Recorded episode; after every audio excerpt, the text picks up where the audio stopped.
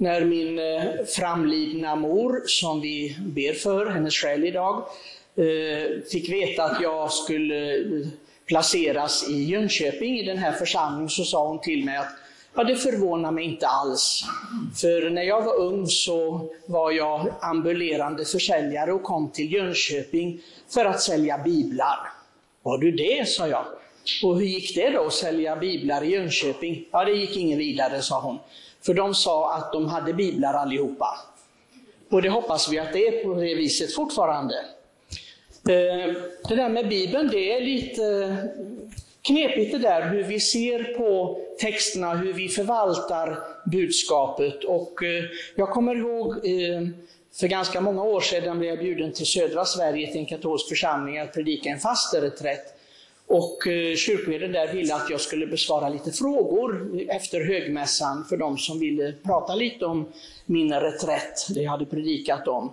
Och då var det en eh, kvinna som sa det att när jag växte upp i ett så kallat katolskt land så kyrkoherden där, han skrämde alltid församlingen varje högmässa med Gud.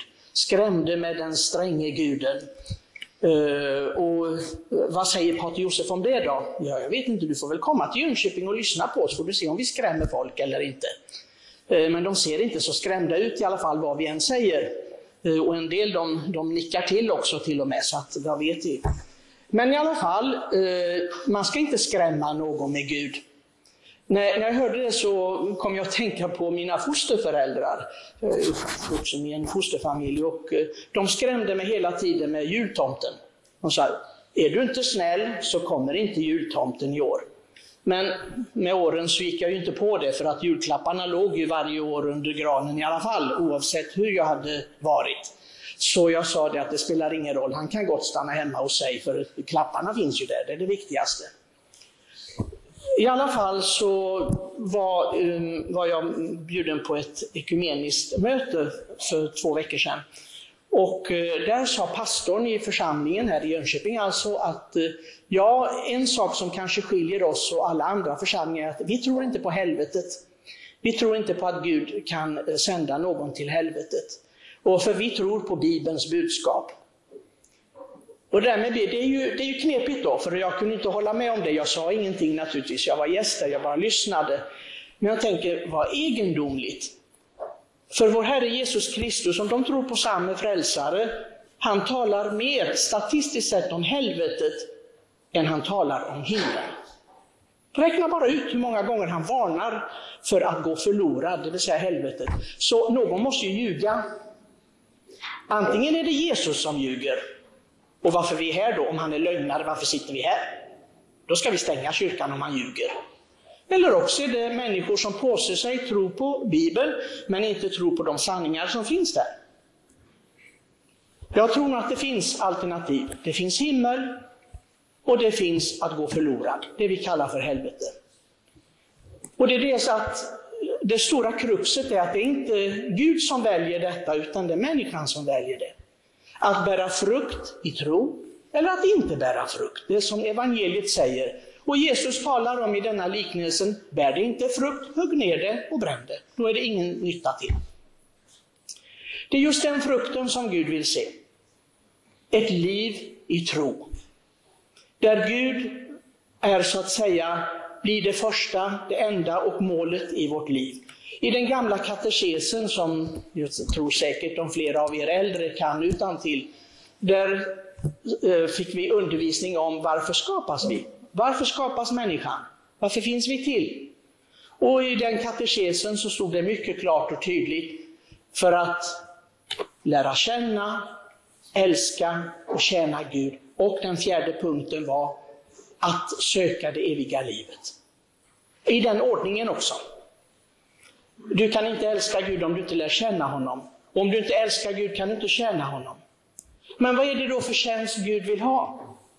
Att du lever ditt liv enligt tron, in i denna tro. Aposteln Paulus, som är en stark förkunnare, han är ibland ganska så våldsam också. Han talar om en av de viktigaste händelserna i den gudomliga uppenbarelsen, i frälsningsverket. Gud som befriar från vilken makt och kraft som helst. Det spelar ingen roll hur stark den här kraften är, inte ens Putin är starkare än Guds frälsande makt.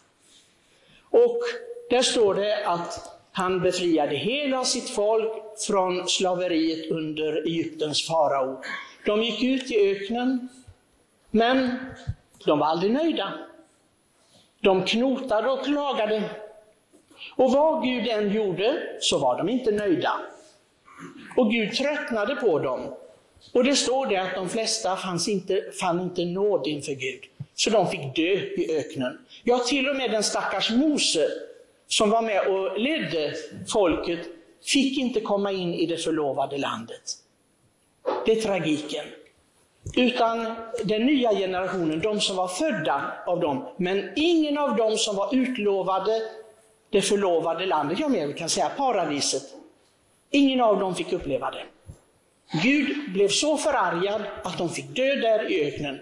Är det så att ni inte är nöjda, dö. Och då säger men vi tror ju på en barmhärtig Gud. Ja, en barmhärtig Gud för den som omvänder sig. För det är det vi talar om hela tiden i budskapet, att omvända sig, att, att gå in i den mekanismen. Det, Gud begär inte felfrihet eller att vi ska vara fullkomliga med en gång. Men vad Gud vill är att vi lever av tro. Jag varnar ofta och har gjort det ofta för det här med att vara missnöjd över livet. Det är någonting som är så andligen farligt. Och man kommer lätt in i den här trallen där man ska alltid klaga på någonting. För oss, den stora gåvan är livet. Livet är en kärleksgåva från Gud. Är vi tacksamma för att vi lever? Det är klart att vi kan tycka att jag skulle vilja ha annan hårväxt, jag skulle vilja ha annan näsa, jag skulle vilja vara si och så, och jag skulle ha annat i livet, jag skulle vilja ha andra föräldrar, andra kompisar, jag vet inte vad. Önskelistan kan bli hur lång som helst. Men nu är det så att jag är den jag är. Jag lever det livet jag lever. Jag kommer i den kontexten som jag är. Och det är där Gud har satt mig. Och Gud ville ha mig sådan som jag är. Att vara nöjd med detta och ha frid med detta, det är att leva av tro. Gud begär inte att vi ska vara nobelpristagare, att vi ska hitta på saker som förändrar världen och livet. Så. Det är inte den tjänsten han, han begär av oss. Han förväntar sig inga sådana saker av oss. För till och med en sängliggande sjuk person kan uppfylla det som Gud vill.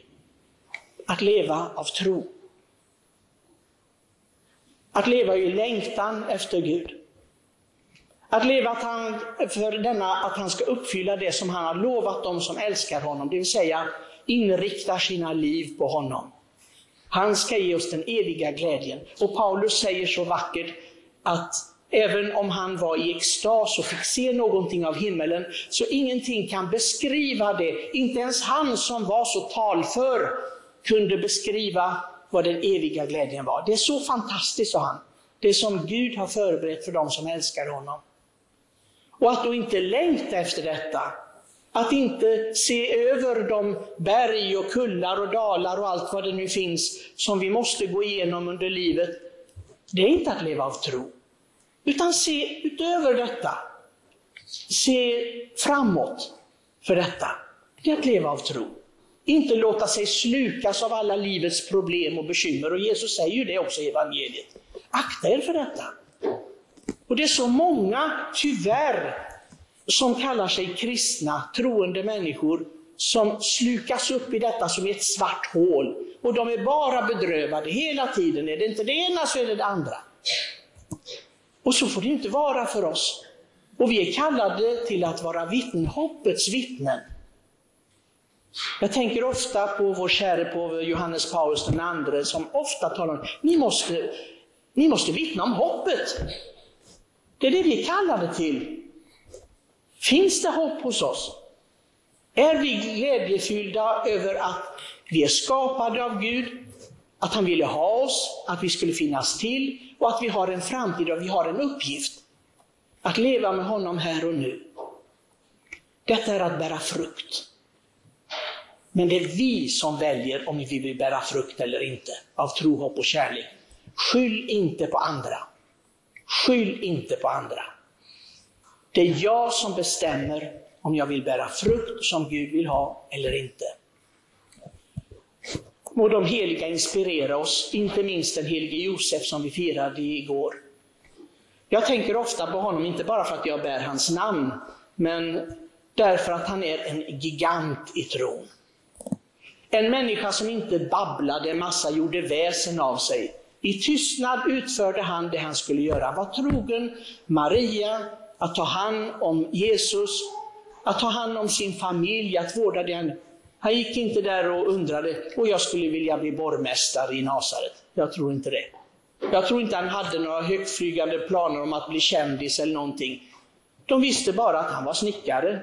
De sa ingenting annat. Inte att det var något märkvärdigt med dem. Tänk vilket liv! Att inte söka att utmärka sig på något sätt, utan bara leva i trofasthet, det som Gud har gett dig. Det är en gigant i tron, i andlighet. Må han och alla de heliga be för oss, i Faderns och Sonens och den helige Andes namn.